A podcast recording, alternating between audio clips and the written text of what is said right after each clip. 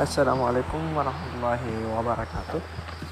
Oh, kali ini kita akan membahas tentang uh, konsep keadilan sosial dan keadilan ekonomi.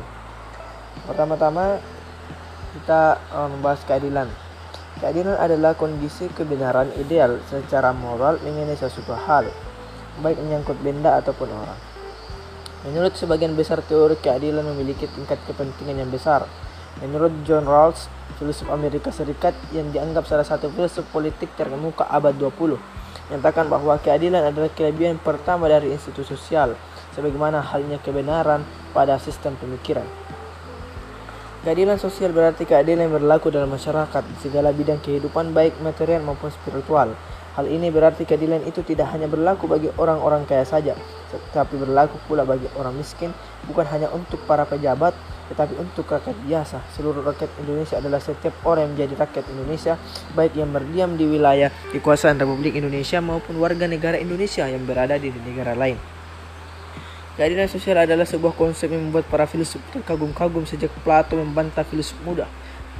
Tarsi Mahsus karena ia menyatakan bahwa keadilan adalah apa pun yang ditentukan oleh si terkuat. Dalam republik, Plato meresmikan alasan bahwa sebuah negara ideal akan bersandar pada empat sifat baik kebijakan, keberanian, pantangan atau keprihatinan dan keadilan. Penyembangan sikap adil terhadap sesama manusia, kesamaan kedudukan terhadap hukum dan HAM, keseimbangan antara hak dan kewajiban merupakan sikap yang tercermin dalam pengalaman nilai Pancasila, yakni sila kelima yang, yang berbunyi keadilan sosial bagi rakyat seluruh rakyat Indonesia.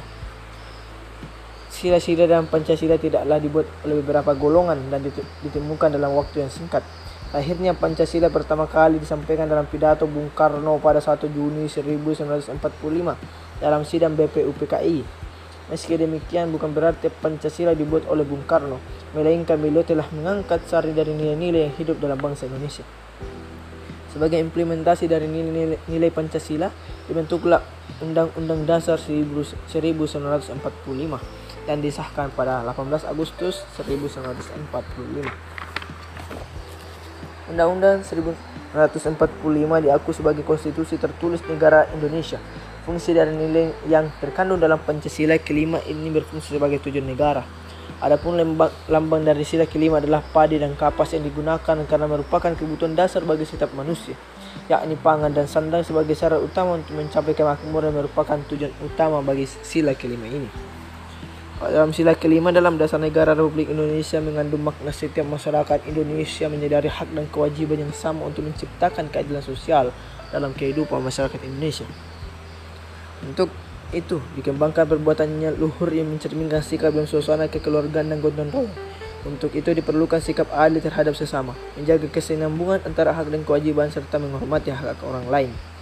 Inilah yang terkandung dalam sila keadilan sosial bagi seluruh rakyat Indonesia didasari dan dijiwai oleh sila ketuhanan yang Maha Esa, kemanusiaan yang adil dan beradab, persatuan Indonesia serta kerakyatan yang dipimpin oleh hikmat kebijaksanaan dalam permusyawaratan atau perwakilan. Dalam sila, sila kelima tersebut terkandung nilai-nilai yang merupakan tujuan negara sebagai tujuan dalam hidup bersama.